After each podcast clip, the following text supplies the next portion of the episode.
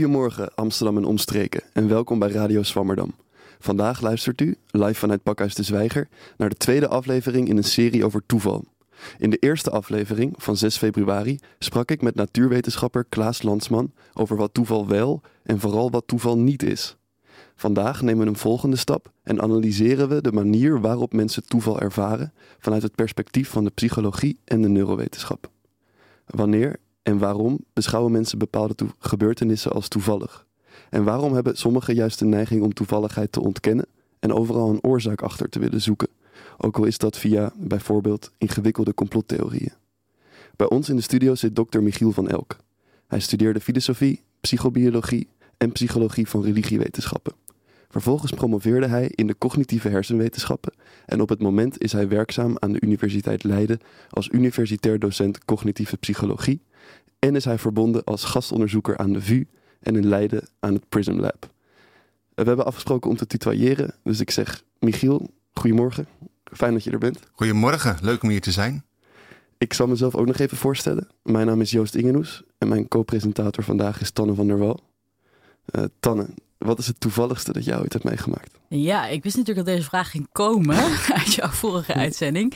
Ik heb er even over nagedacht. Ja, mijn naam Tanne is natuurlijk een beetje een ongewone naam. En uh, nou heb ik een hele goede studievriendin van mij, Sanne. En Sanne had vroeger dus een uh, imaginary friend die Tanne heette. En nu heeft ze dus een echte vriendin, ik, die uh, ook Tanne heet. En ja, dat was het eerste wat bij mij te binnen schoot toen ik nadacht om een, over een toevallige gebeurtenis. Dat vond ik gewoon heel toevallig. Dat is inderdaad wel redelijk onwaarschijnlijk. En Michiel, voor jou? Een, een toevallige gebeurtenis die ik heb meegemaakt. Ja. Um, nou, weten jullie nog dat er laatst uh, die overval was op de Apple Store uh, op het Leidseplein? Ja, om, uh, op een dinsdagavond om tien over half zes. Ik had een afspraak staan in de Apple Store om tien over half zes. En om mijn telefoon te laten repareren. Ik had daar een afspraak gemaakt. En een kwartier van tevoren zei ik tegen mijn jongste zoon van... Hey, heb je zin om even mee te gaan naar de Apple Store? En hij zei van, nou nee, we moeten ver fietsen.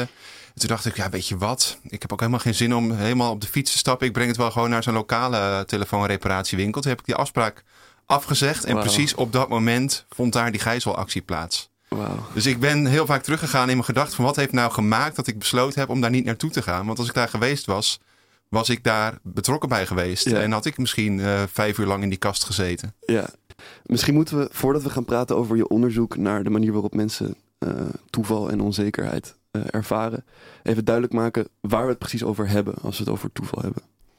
Um, toeval kan misschien gedefinieerd worden als een verrassende samenloop van gebeurtenissen, waarbij er voor die samenloop geen oorzaak aan te wijzen is. Uh, maar in jouw onderzoek en in een paper dat je schreef in het boek The Challenge of Chance, heb je het eerder over de term coincidentie. Uh, waarom kiezen jullie voor deze term en niet voor toeval? Ik denk omdat er, uh, zeg maar, naar coïncidentie vanuit de psychologie en de neurowetenschap het meest te zeggen valt. Van de ervaring van dingen die schijnbaar toevallig lijken samen te vallen. Van hoe kun je verklaren dat mensen dat opvalt en dat sommige mensen dat kunnen accepteren van hé, hey, dat is gewoon toevallig. En dat andere mensen op zoek gaan naar een dieper liggende verklaring daarvoor. En wat is dan precies het verschil tussen toeval en coïncidentie? Ja, in het begrip toeval uh, zit iets van willekeur. Dingen gebeuren toevallig. En daar ligt dan niet een dieper liggende verklaring voor. Het is net zoals met het gooien van een dobbelsteen. Dat is een toevalsproces. Ja. En men, ik, ik ben psycholoog. Ik interesseer me met name voor zeg maar, de psyche, voor wat er gebeurt in de geest van de mens.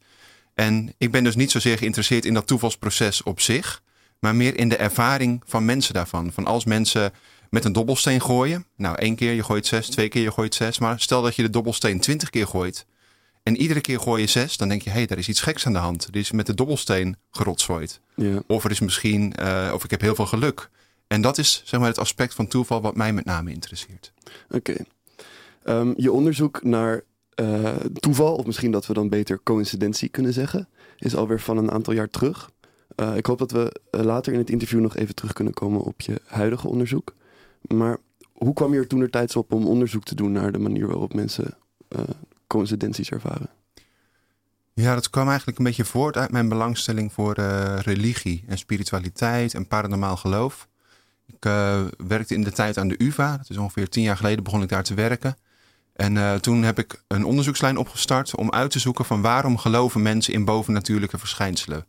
Hoe komt het dat de ene persoon gelooft dat er leven is na de dood of dat uh, bepaalde uh, gebeurtenissen heel veel betekenis hebben, dat het niet toevallig is. En zo kom ik een beetje op het, ja, op het onderzoek naar zeg maar wat de drijfveren zijn, de psychologische drijfveren van mensen om te geloven.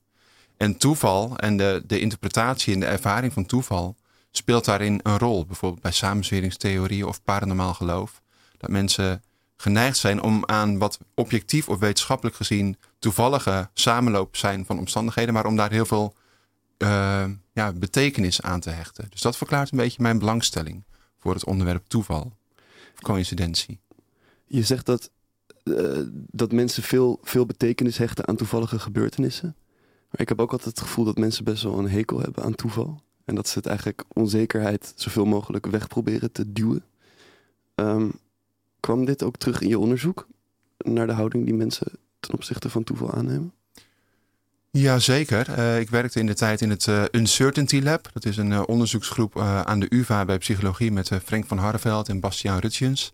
en samen deden wij onderzoek naar hoe mensen omgaan met onzekerheid. En onzekerheid vinden heel veel mensen heel onprettig. Van liefst hou je een beetje controle, hou je overzicht. Maar tegelijkertijd is het leven onzeker. We hebben natuurlijk net de pandemie achter de rug. We zitten nu in een oorlogssituatie. Nog niet als Nederland zelf, maar wel uh, uh, in Oost-Europa. En dat roept voor heel veel mensen heel veel onzekerheid op, die heel onprettig is. En mensen proberen van alles te doen om die onzekerheid te bezweren. En wij deden zeg maar, onderzoek om uit te zoeken van hoe gaan mensen om met onzekerheid. En wat zijn psychologische strategieën om mensen uh, toch een gevoel van houvast te geven. Oké, en kan je, kan je uitleggen wat er in dat onderzoek, wat, wat er uit dat onderzoek kwam van, van, van, hoe mensen denken over toeval of hoe ze, hoe ze dat juist proberen te ontkennen? Wat zijn de psychologische mechanismes daarachter?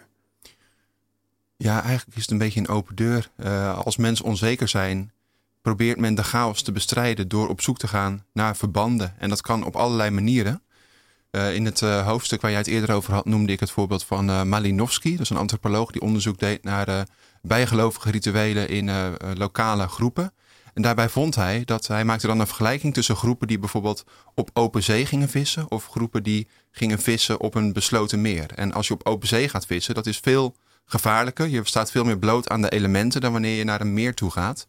En hij vond dat zeg maar, de, de, de stam die vaak ging vissen op open zee, dat die veel meer rituelen hadden rondom die visserij. Allerlei rituelen die ze uitvoerden om die onzekerheid te bezweren.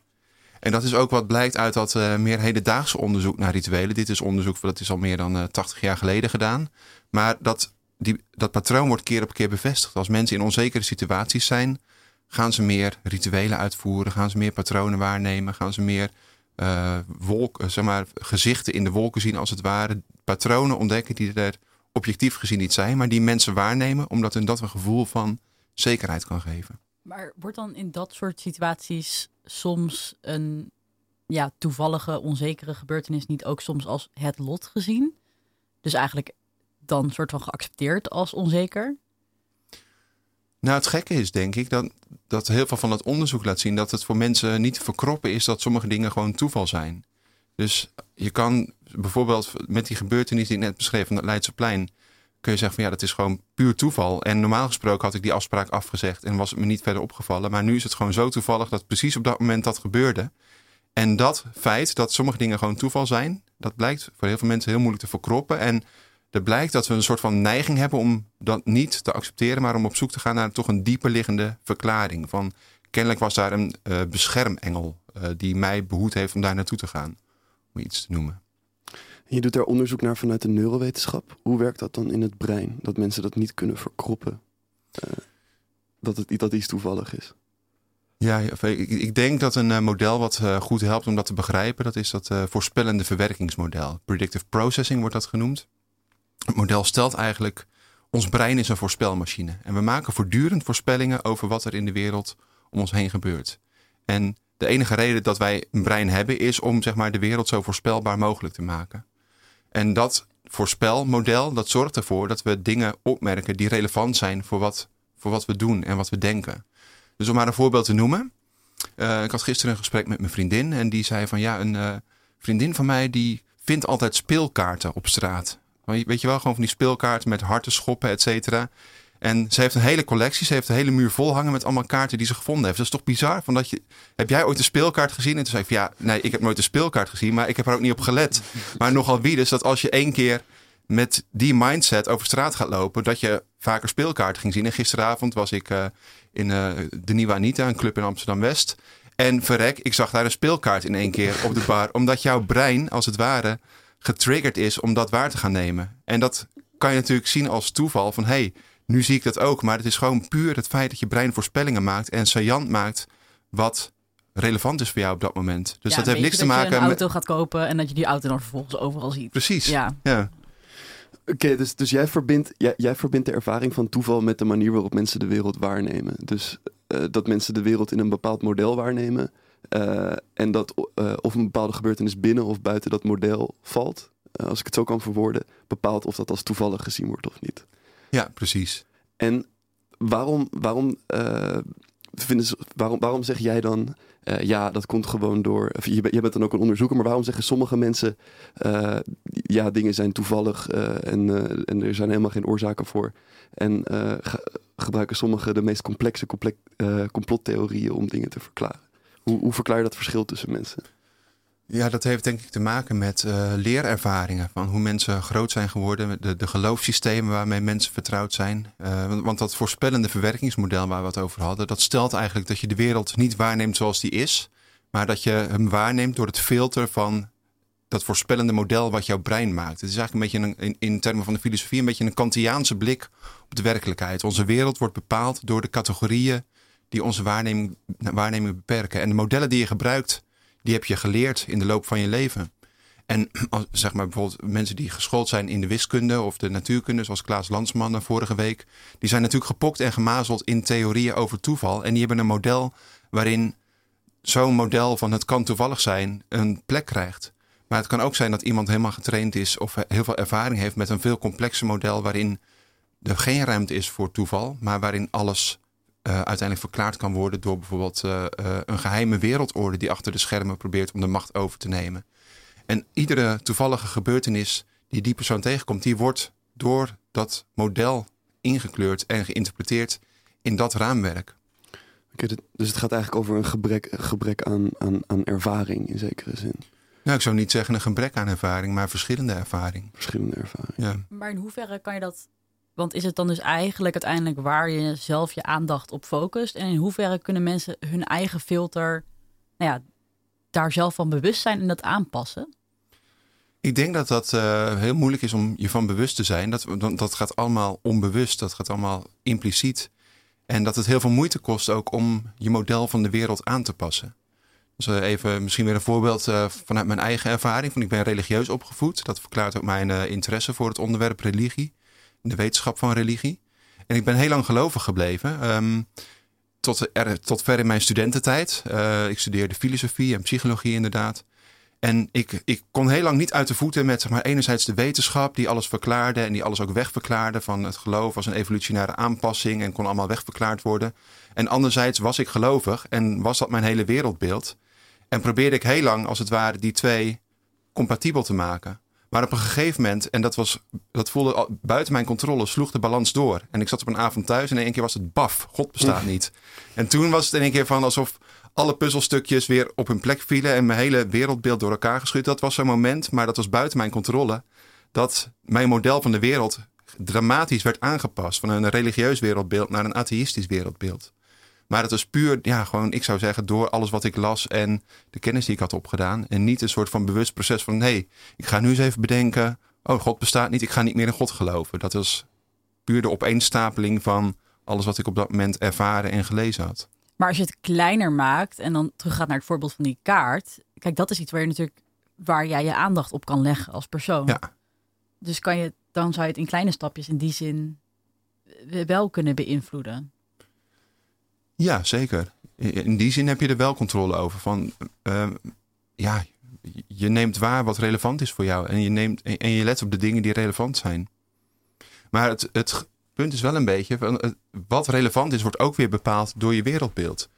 Dus bijvoorbeeld als het gaat over samenzweringstheorieën, daar komen we vast ook nog over te spreken. Dan zie je vaak dat er heel veel aandacht wordt gegeven aan hele kleine details die heel erg worden uitvergroot.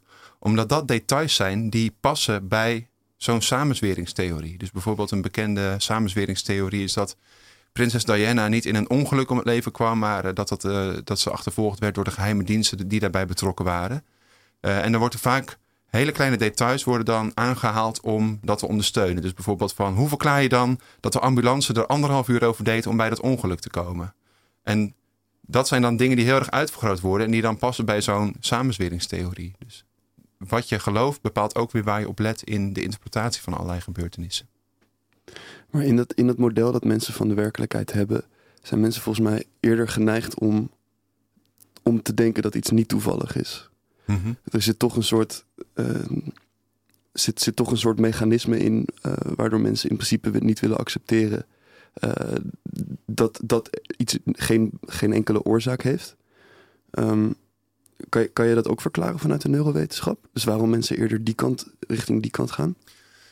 Ja, ik denk dat je uh, wel kan stellen dat, dat er ook allerlei neigingen ingebakken zitten in ons brein. Je zou bijna kunnen zeggen evolutionaire neigingen om patronen waar te nemen. En dat is evolutionair belangrijk, want we moeten patronen ontdekken in de wereld die voorspellende waarde hebben. Dus bijvoorbeeld, waar kun je voedsel vinden? Is er slecht weer op komst? Dus ons brein is er heel erg op gericht om allerlei patronen waar te nemen. En dat, die neiging die zit zo ingebakken dat we eigenlijk een soort van de neiging hebben om patronen te zien die er niet zijn, in heel veel gevallen.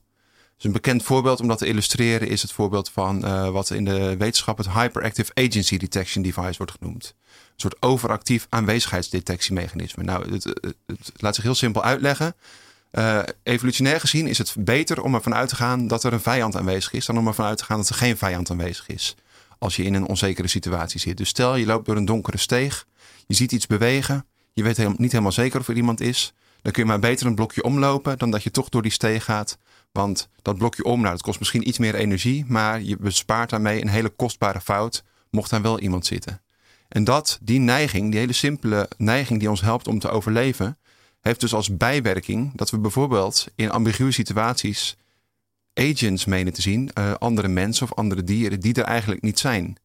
En dat is evolutionair voordelig, maar het zorgt er ook voor dat mensen allerlei dingen zien die er dus eigenlijk niet zijn. En dat zou aan de basis kunnen liggen van bijvoorbeeld bijgeloof.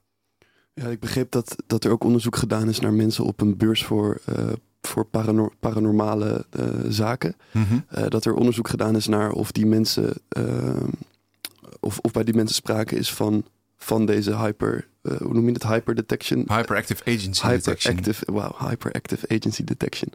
Uh, en, en, dat, en dat daar een correlatie tussen was. Dus dat mensen die, uh, die in paranormale zaken geloofden, dat, er, dat er daar meer sprake van was. En daarom zit, zit daar niet een soort normativiteit in.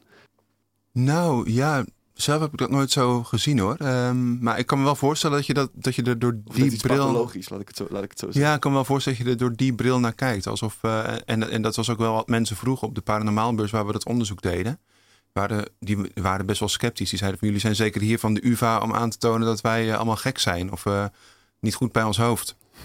En nou, dat zit, ja, het punt is van bijvoorbeeld met dat onderzoek vinden we een correlatie van hoe meer mensen geloven in bijvoorbeeld paranormale verschijnselen, hoe meer ze geneigd zijn om illusoire patronen waar te nemen.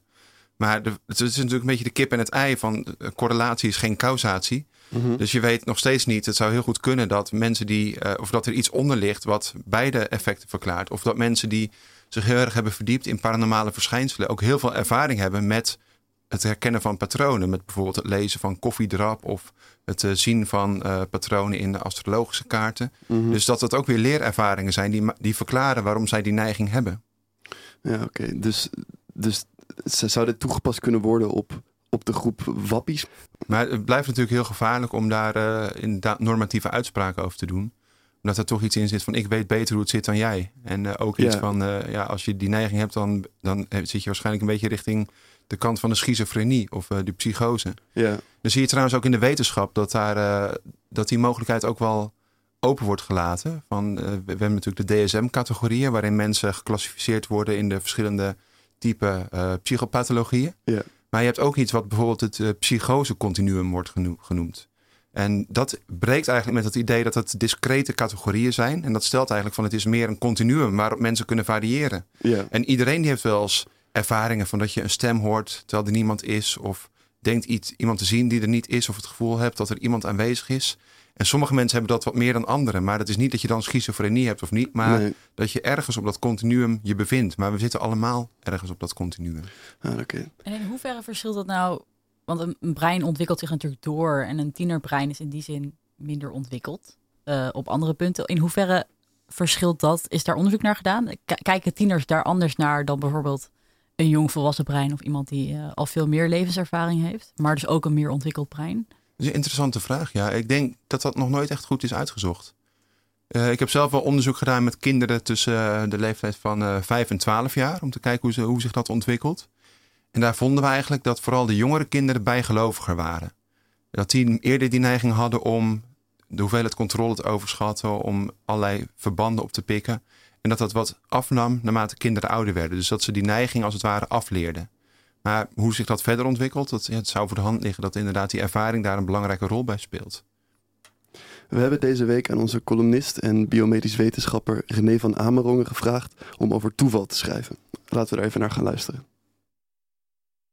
Dingen die toevallig gebeuren zijn eigenlijk altijd leuk en positief.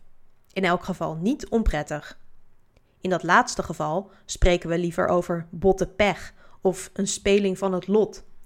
Woorden die meteen en met gepast gevoel voor drama aangeven hoe oneerlijk het is als ons iets naars overkomt waar we niets aan kunnen doen. Niet dat de meesten van ons echt denken dat we recht hebben op een bestaan dat van louter heerlijkheden aan elkaar hangt, maar ieder dier probeert angst, pijn en een voortijdig einde toch liever te vermijden.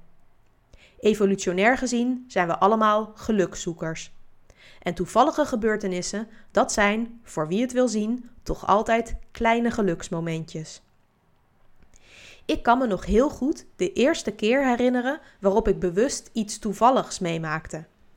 Ik was negen en we waren op vakantie in Amerika. En daar, op een willekeurig kruispunt in Seattle, liepen we op een zebrapad de vader van een klasgenootje tegen het lijf.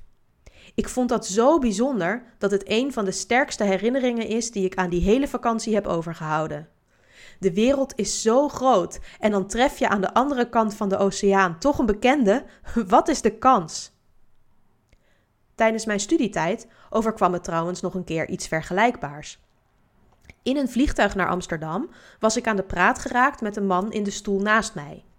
Hij woonde in Los Angeles, waar ik toevallig stage zou gaan lopen. Maanden later stond ik op een kruispunt in LA op de bus te wachten toen er voor mijn neus opeens een auto stopte en ik een lift aangeboden kreeg van de man uit het vliegtuig. Dat hij me nog herkende was op zich al een klein wonder en dit klinkt als het begin van een romantische komedie. Want wat was de kans dat hij in die miljoenenstad precies langs reed bij dat kruispunt op het moment dat ik daar bij de bushalte stond? Ik ontwaar hier trouwens een interessant patroon waarbij ik toevallige ontmoetingen heb op random kruispunten in de Verenigde Staten, maar dat terzijde. Omdat de menselijke geest nu eenmaal geneigd is om verbanden te zien die er feitelijk niet zijn, doen wetenschappers juist extra hard hun best om anderen, maar in eerste instantie vooral zichzelf, ervan te overtuigen dat wat zij waarnemen niet op toeval berust, maar juist een wetmatigheid in de natuur blootlegt. Uiteindelijk komt hier vaak statistiek om de hoek kijken, want aan iedere toevalligheid ligt tenslotte een wiskundig kansproces ten grondslag. Daarom zie je in wetenschappelijke artikelen vaak zogenaamde p-waardes langskomen. Simpel gezegd is de p-waarde een manier om uit te drukken wat de kans is dat een gemeten verschil dat de wetenschappers denken gevonden te hebben, stiekem toch op toeval berust. Hoe kleiner de p-waarde, hoe kleiner de kans dat die gemeten verschillen daadwerkelijk toevallig zijn en hoe groter de kans dat je echt iets interessants op het spoor bent. Maar zeker weten doe je het nooit. Zie hier de altijd twijfelende en genuanceerde wetenschapper die zich in talkshows nou nooit eens lekker zwart-wit durft uit te spreken. Het feit dat mensen van nature de neiging hebben om overal causale verbanden tussen te zien, is trouwens niet zo gek. Het blijkt namelijk dat je heel goed robuuste en vaste patronen kunt krijgen als de losse componenten zich willekeurig, oftewel stochastisch, gedragen. Ik vind dat fascinerend. Om iets van die fascinatie bij u in de huiskamer over te brengen, stel ik voor dat u vanmiddag het volgende simpele experiment uitvoert. Daarvoor hoeft u alleen even naar de supermarkt te lopen en zes soorten paaseitjes in te slaan. Dat kan geen probleem zijn, want de tijd dat we alleen konden kiezen uit melk, wit en puur ligt ver achter ons. Dus leef u uit, maar koop vooral iets met wikkeltjes in felle en verschillende kleuren. U legt zes verschillend gekleurde paaseitjes in een schaaltje. Stelt u zich nu voor dat ieder paaseitje een cel is en dat deze zes cellen samen een weefsel in uw lichaam vormen. Er is alleen één probleem. Iedere minuut gaat er één cel dood en moet een van de overgebleven vijf cellen zich delen om dat gat op te vullen. Er is dus feitelijk maar één spelregel.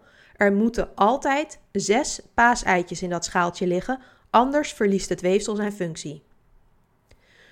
Nu zet u een stopwatch en iedere minuut pakt u random een eitje dat de schaal moet verlaten. Niet vals spelen, doe uw ogen dicht en grabbel of gebruik een dobbelsteen waarbij u van tevoren bedenkt welke kleuren er bij 1 tot en met 6 horen. Zodra er een eitje uit de schaal is, moet er een nieuw eitje bijkomen om het gat op te vullen. En om te bepalen welke kleur dat nieuwe eitje heeft, wijst u, wederom willekeurig, één van de overgebleven vijf eitjes aan. U pakt een eitje van die kleur uit de zak en legt dat in het schaaltje. Dit herhaalt zich iedere minuut. Als u dit nou lang genoeg volhoudt en niet alle eitjes direct opeet, dan zult u uiteindelijk altijd eindigen met een schaaltje paaseitjes van dezelfde kleur. Soms heeft u hier misschien het minimum van 5 minuten voor nodig, soms misschien wel 100, maar uiteindelijk wordt er één kleur dominant. Welke kleur dat is, is volstrekt toevallig. Uw ogen bedriegen u niet, maar u weet nu wel voor eens en altijd, ook uit toevalligheden kunnen hele vaste patronen ontstaan. Als u dit spel vaker speelt en goed oplet, dan zult u trouwens ook zien dat een dominant ei dat bijna alle posities heeft ingenomen, alsnog het onderspit kan delven. Ja, ook uit toevalligheden kunnen vaste patronen ontstaan, vertelt René. Misschien is dat nog een bevestiging dat mensen houden van vastigheid. Uh, Michiel, je vertelde dat je vroeger gelovig was en dat je er vrij klops, uh, uh, mee opgehouden bent. Of dat je besefte dat dat niet jouw jouw weg meer was. Vind je het niet soms jammer om door je wetenschappelijke onderzoek niet op te kunnen gaan in misschien onverklaarbare ervaringen? Nou, ik denk dat ik dat nog steeds wel kan hoor. Maar anders dan in de tijd dat ik nog gelovig was. Want het zijn, je kan natuurlijk heel veel verklaren door middel van de wetenschap. En uh, onderzoek doen naar waarom mensen geloven of waarom mensen bepaalde ervaringen hebben. Maar die ervaringen zelf ondergaan is toch weer iets anders. En die ervaringen van verwondering of van extase of roes of hoe je het maar wil noemen, die kan ik nog steeds ondergaan en daarvan genieten zonder dat gevoel te hebben van dat het allemaal gereduceerd wordt of weg te verklaren valt. Want je laatst uitgebrachte boek, dus onlangs, gaat over psychedelica. Mm -hmm. uh, dat heet Nuchtere kijk op psychedelica, wat de wetenschap ons kan leren over geestverruiming. Uh, ik zag je gisteren trouwens ook in Trouw staan met een stuk over dat, uh, over dat boek. Ja, klopt. En eerder bracht je inderdaad een boek uit over de gelovige geest, over hoe religie ons helpt om met angst om te gaan. Jouw onderzoek gaat over omgaan met onzekerheid, over psychedelica en over religie. Kan je zeggen dat je onderzoek doet naar hoe mensen zichzelf voor de gek houden? Dat, dat klinkt weer zo negatief of zo normatief. ik zou dat. Uh, ik ben zelf gelovig geweest en ik ken, ik ken het van binnenuit hoe dat is. En uh, ja, dat, dat is veel te kort door de bocht om te zeggen, die, dan ben je gek of uh, dan denk je niet goed naar. Zelfdeceptie. nee, zo, nee, zelfs dat niet. Nee, ik denk, wat mij boeit, blijft die ervaringskant. zoals ik al noemde met het voorbeeld van je gooit 20 keer met de dobbelsteen en je gooit 20 keer 6.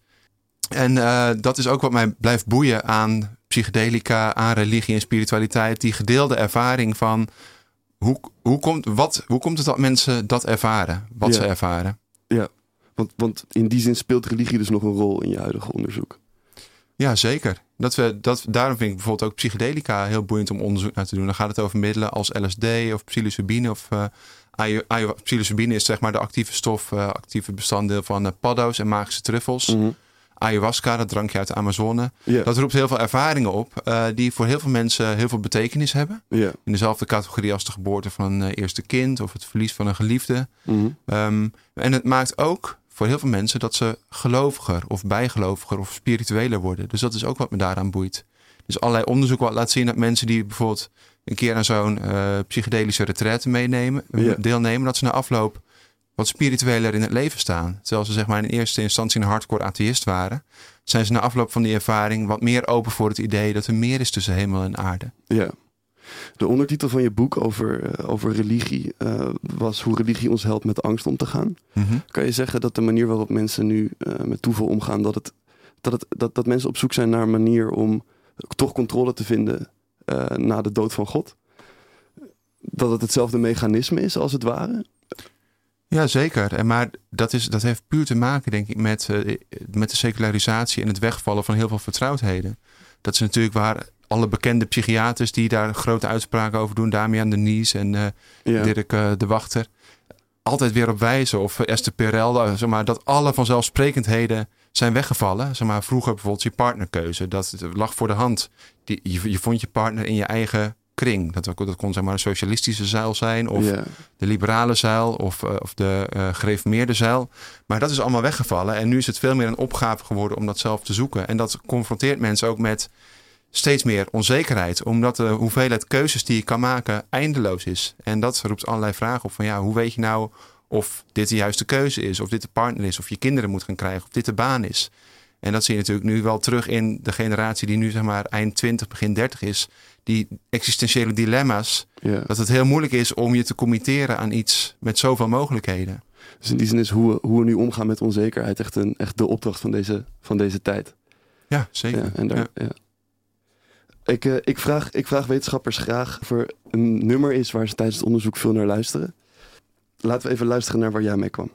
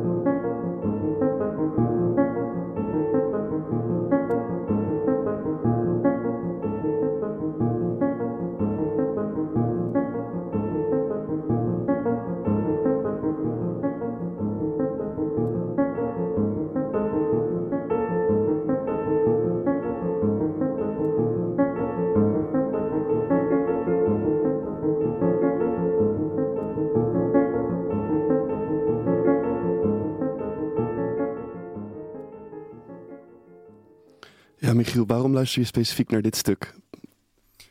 Ja, het, sowieso. Het is eh, muzikaal of het is eh, instrumentaal, dus er zit ge- geen zang bij. Dat leidt minder af. Het is heel repetitief, zoals je hoort. Het is uh, Canto Ostinato hè, van de Simeon Mhm. ten Holt, wat we, waar we een stukje van hoorden. Het is heel repetitief en dat brengt mij in een soort van meditatieve toestand.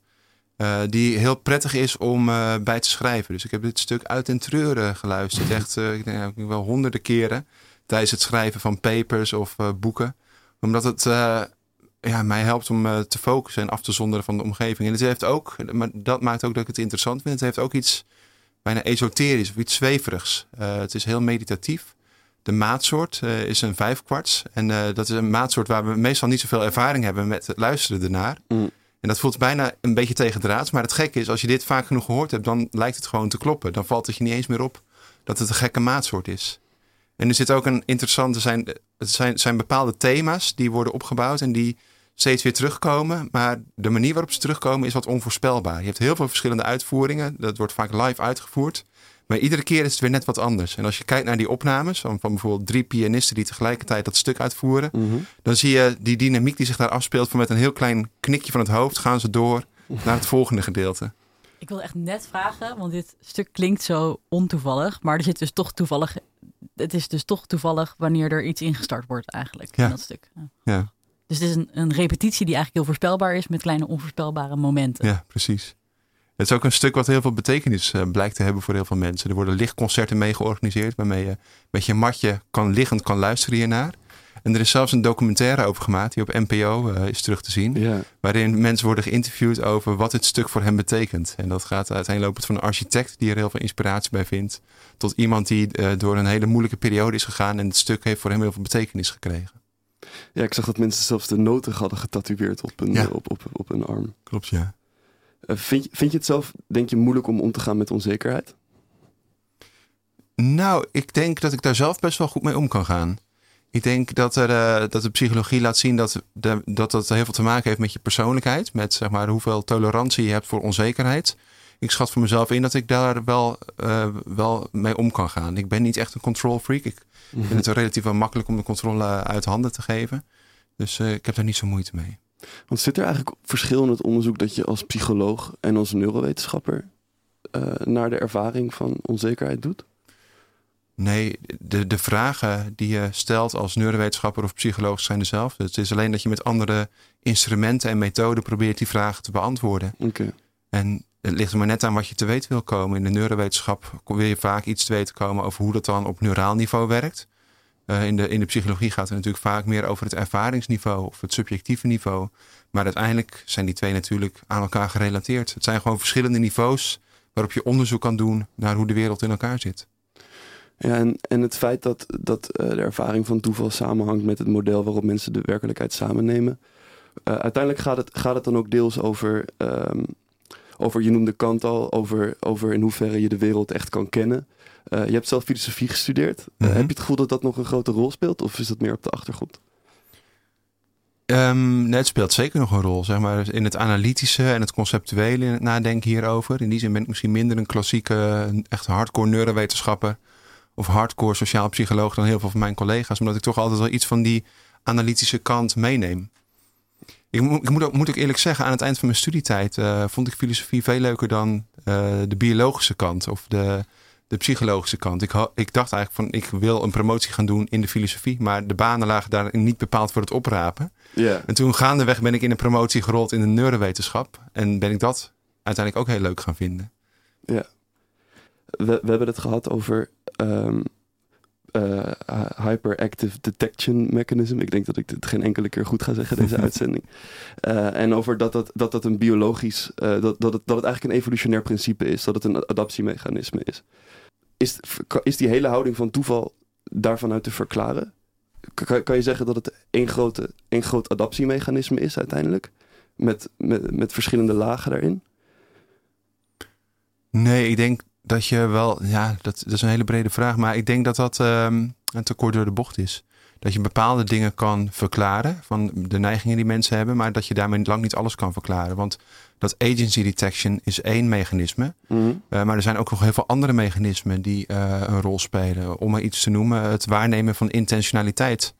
Waar de filosoof Daniel Dennett het onder andere over heeft. Mhm. Intentional stance, dat je geneigd bent om een soort van doelen waar te nemen. Dat er meer achter ligt. Dat is ook een cognitieve bias, zoals het genoemd wordt in de psychologie, die onze waarneming beïnvloedt. Of het dualisme is een ander voorbeeld. Mhm. Om zeg maar aan te nemen dat lichaam en geest gescheiden entiteiten zijn. Mhm. Dat is ook een voorbeeld van een cognitieve bias, waarvan heel veel onderzoek is, waaruit blijkt dat die heel diep verankerd zit in hoe wij denken. Dat je er bijna niet aan voorbij kan van als een iemand komt te overlijden, dan is het je bijna niet voor te stellen dat diegene niet meer bestaat. Dan, het, het ligt zo voor de hand om te denken dat op de een of andere manier zo iemand blijft voortbestaan in uh, een non-materiële vorm. Dus er zijn allerlei mechanismen die een rol spelen bij waarom mensen geloven in samenzweringstheorieën of in Mhm. religie uh, of in toeval waarnemen. En al die biases die verklaren denk ik een deel van de puzzel. Heb je nog andere voor voorbeelden van die cognitieve bias? Ja, een ander voorbeeld is uh, iets wat uh, in de literatuur uh, ontological confusions wordt genoemd. Ontologische okay. verwarringen. Um, de werkelijkheid zit, heeft, zeg maar, kun je op verschillende niveaus beschrijven. Dus bijvoorbeeld een steen is niet levend, een boom is wel levend, maar niet, heeft geen geest. Een, een mens heeft wel een soort van psyche. Ehm, en dat zijn allemaal verschillende niveaus. En een ontologische verwarring wordt genoemd als mensen die niveaus door elkaar gaan halen. Mhm. Dus bijvoorbeeld als je denkt dat een steen ook bepaalde eh, levende eigenschappen heeft. Uh, of dat een plant ook een ziel heeft. En dat is een ander voorbeeld van een, uh, wat, een, wat een cognitieve bias wordt genoemd. Dat mensen die die neiging hebben om die verwarring te hebben van verschillende niveaus door elkaar te laten lopen, dat die meer openstaan ook voor samenzweringstheorieën, voor um, geloof in paranormale verschijnselen, überhaupt in, voor geloof in het bovennatuurlijke. Mhm. Maar toen ik het daar met een, of niet met een collega, maar toen ik het daar met iemand over had die psychedelische retraites organiseert. Van wilde onderzoek gaan doen. Van hey, zorg die retraites ervoor. Ja. Dat als mensen na afloop van zo'n ervaring. dat ze misschien meer die ontologische verwarring laten zien. Toen werd diegene die die retraites organiseerde boos. Die zei van waarom noem je het verwarring? Ja, ja. Is het niet juist. Hij, hij zou argumenteren van dat is juist heel normatief om dat te zeggen. En misschien is het helemaal geen verwarring meer. Is dat een veel betere manier om naar de wereld te kijken. Ja, je zou het want- een verrijking noemen bijna. Precies, want alles Ja. is verbonden met elkaar. En het, het is allerlei onderzoek Ja. wat laat zien dat de wortels van bomen met elkaar communiceren. Dat planten geheugen hebben. Ah, nou ja, daar Oké. ja. Ja, je zei dat je zelf ook zoiets ervaring, ervaren had tijdens een ayahuasca-ceremonie, toch? Dat, dat, dat je het gevoel had dat alles, dat, dat er een soort van universeel bewustzijn was. eh, waar je je even mee verbonden voelde. ja, klopt ja. Ik heb wel eens zo'n ceremonie gedaan. En eh, op dat moment, dat was de allereerste keer dat ik aan zo'n ceremonie meedeed. eh, heel erg dat gevoel van inderdaad universele verbondenheid, eenheid en verwondering. Maar bijvoorbeeld ook het gevoel dat ik eh, eh, dat, dat, dat de sjamaan mijn gedachten kon lezen. Dingen die ik normaal gesproken voor onmogelijk zou houden, dacht ik nu heel sterk van hé, hey, dat is mogelijk. Kennelijk is dat nu zo. In een, in een lezing die je bij de Universiteit Utrecht zei, dat je het voorbeeld van gooien met een dobbelsteen gaf om aan te geven dat het een denkfout eh, is dat we eh, situaties die we eigenlijk niet kunnen controleren, toch kunnen controleren. En dat deed mezelf denken aan eh, als, ik, als ik Risk speel, dat als ik aanval dat ik heel hard met die dobbelstenen over de tafel ga gooien. Ehm, eh, dus, dus dat eigenlijk wat er dan gebeurt is dat je ziet A en er gebeurt B. En dan denk je daarna steeds dat dat hetzelfde geval zal zijn. Van dat, dat hoort bij die error, error management theory, toch? En dat is ook, dat hoort bij, bij die cognitive bias. Ja, klopt ja. Daar hebben we het nu nog niet over gehad. Eh, misschien leidt het te ver. Maar kort gezegd, die hyperactive agency detection, waar we het wel vaker over hebben gehad, dat is één specifiek voorbeeld van een bredere theorie die de error management theorie wordt genoemd. En daar gaat het inderdaad over in die lezing. In hoeverre gaat dat nou? Want je noemde in ieder geval die hyperactive agency theory. Dat is een evolutionair proces. In hoeverre leven wij nu in een maatschappij waar daar druk op staat? Omdat hebben we dat nog nodig?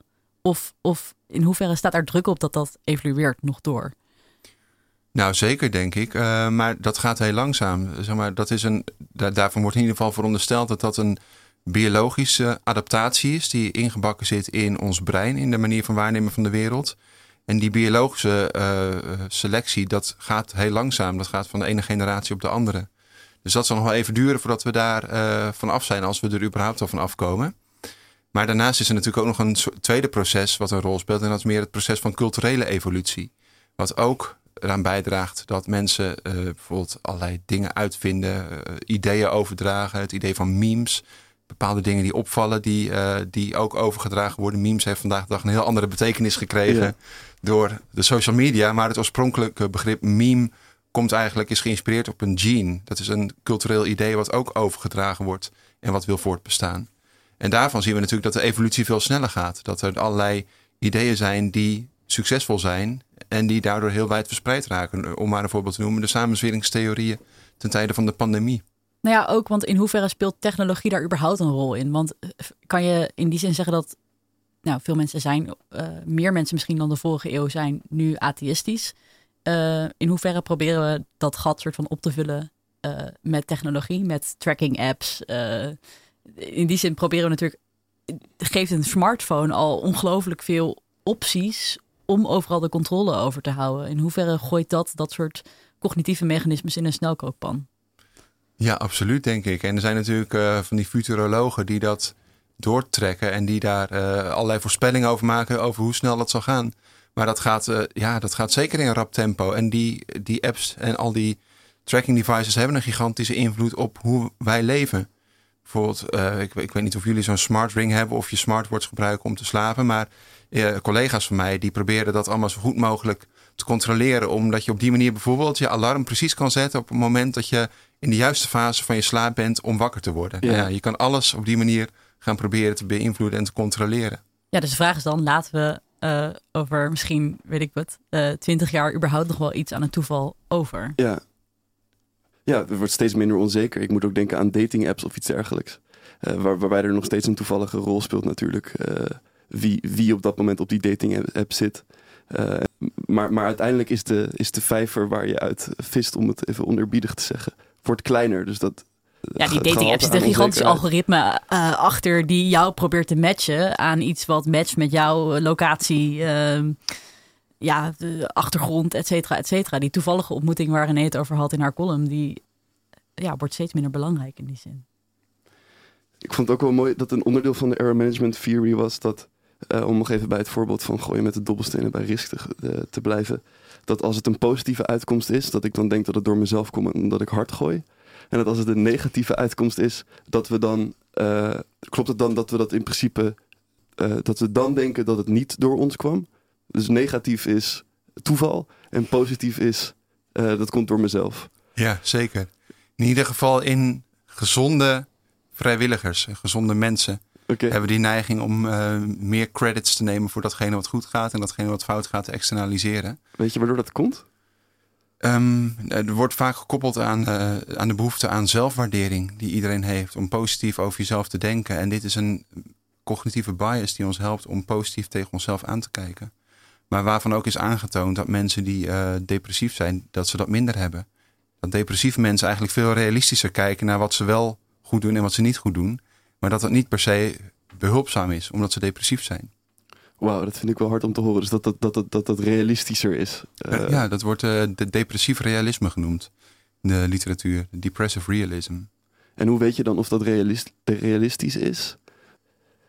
Ja, het gaat dus over, eigenlijk over een inschatting maken van hoeverre je zelf over iets controle hebt gehad. En dat kan realistisch ingeschat worden of niet. Ja, bijvoorbeeld. Of um, je laat mensen inschatten hoe goed ze auto kunnen rijden. Mm -hmm. En als je dat aan de gemiddelde Nederlander vraagt, van, denk jij dat je beter of minder goed auto kan rijden dan de gemiddelde Nederlander? Dan zal bijna iedereen zeggen, ja, beter. Ja.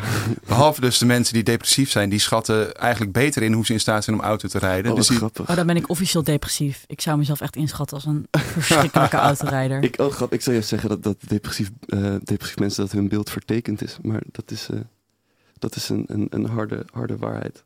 Je was vroeger ook werkzaam bij het uh, Uncertainty Lab, heet het geloof ik, aan de, aan de Mhm. UvA. Wat deden jullie daar voor onderzoek? Ja, ik noemde het al. Het is inderdaad een, een lab wat nog steeds actief is uh, uh, aan de UvA bij de afdeling Sociale Psychologie. Daar deden we onderzoek naar onzekerheid en de manieren waarop mensen daarmee omgaan. Ja. En, en wat, wat voor soort onderzoeken waren dat? Waren dat naar specifieke, specifieke vormen van onzekerheid of specifieke ervaringen? Veel onderzoek naar bijgeloof, naar magisch denken, naar rituelen.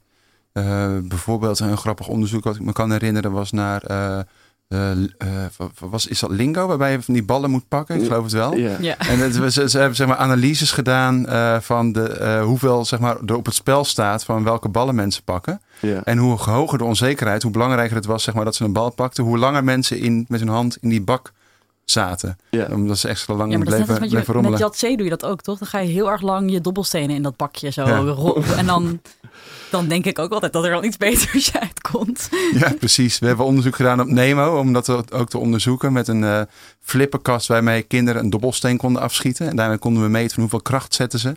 En als ze zeg maar echt heel veel druk ervoeren van de, je moet nu echt een hoog, een hoog nummer schieten, of ze dan meer kracht gingen zetten. Dat was helaas niet zo, maar het was in ieder geval wel een leuk idee om uit te zoeken en om onderzoek naar te doen. En, wat- volwassenen, want dat vraag ik me anders af. Hebben volwassenen, de ouders, dat dan ook gedaan? Nee, dat hebben we alleen met kinderen gedaan. Met uh, Maar- volwassenen hebben we het wel in het lab gedaan. Met hoeveel kracht mensen zetten bij het gooien van een dobbelsteen. En verschilt het daar dus wel? Nee, hebben we ook niks Ah. gevonden. Nee. En wat is dat magisch denken waar je onderzoek naar deed? Verwijst dat naar religie? Uh, ja. Uh, nou, ja, magisch denken wordt in de literatuur vaak gezien als een soort van vorm die voorafgaat aan wat meer volwassen vormen van religie. Dus uh, animistisch geloof, rituelen om, om onheil te bezweren. magisch denken is dat eigenlijk. Het uitvoeren van rituelen om bijvoorbeeld besmetting te voorkomen. Ik hoorde Tuna spelen. Ik wil je ontzettend bedanken, Michiel van Elk, voor je komst. Ik wil ook graag Tanne bedanken. Zij was de co-presentator van deze uitzending. De techniek was vandaag in handen van Henok Tesfai, waarvoor ook heel veel dank. Reageren op deze uitzending kan op Facebook, Instagram of Twitter. Volg ons daar ook vooral, dat vinden we altijd leuk. Ouderwets boos of blij mailen kan ook naar redactie.radioswammerdam.nl Ja, mail ons vooral ook eventjes je uitkomst van het uh, thuisexperiment. Volgende week zondag is Radio Zwammerdam weer te beluisteren tussen 11 en 12 op Radio Salto. Als u oudere uitzendingen wilt terugluisteren, dan kan dat via alle podcastkanalen als Spotify, iTunes of Soundcloud. Of kijk op onze website radioswammerdam.nl. Deze uitzending komt later vandaag ook online als podcast. Dit was Radio Swammerdam. Bedankt voor het luisteren. Hopelijk tot volgende week. En voor nu nog een hele fijne, zonnige zondag.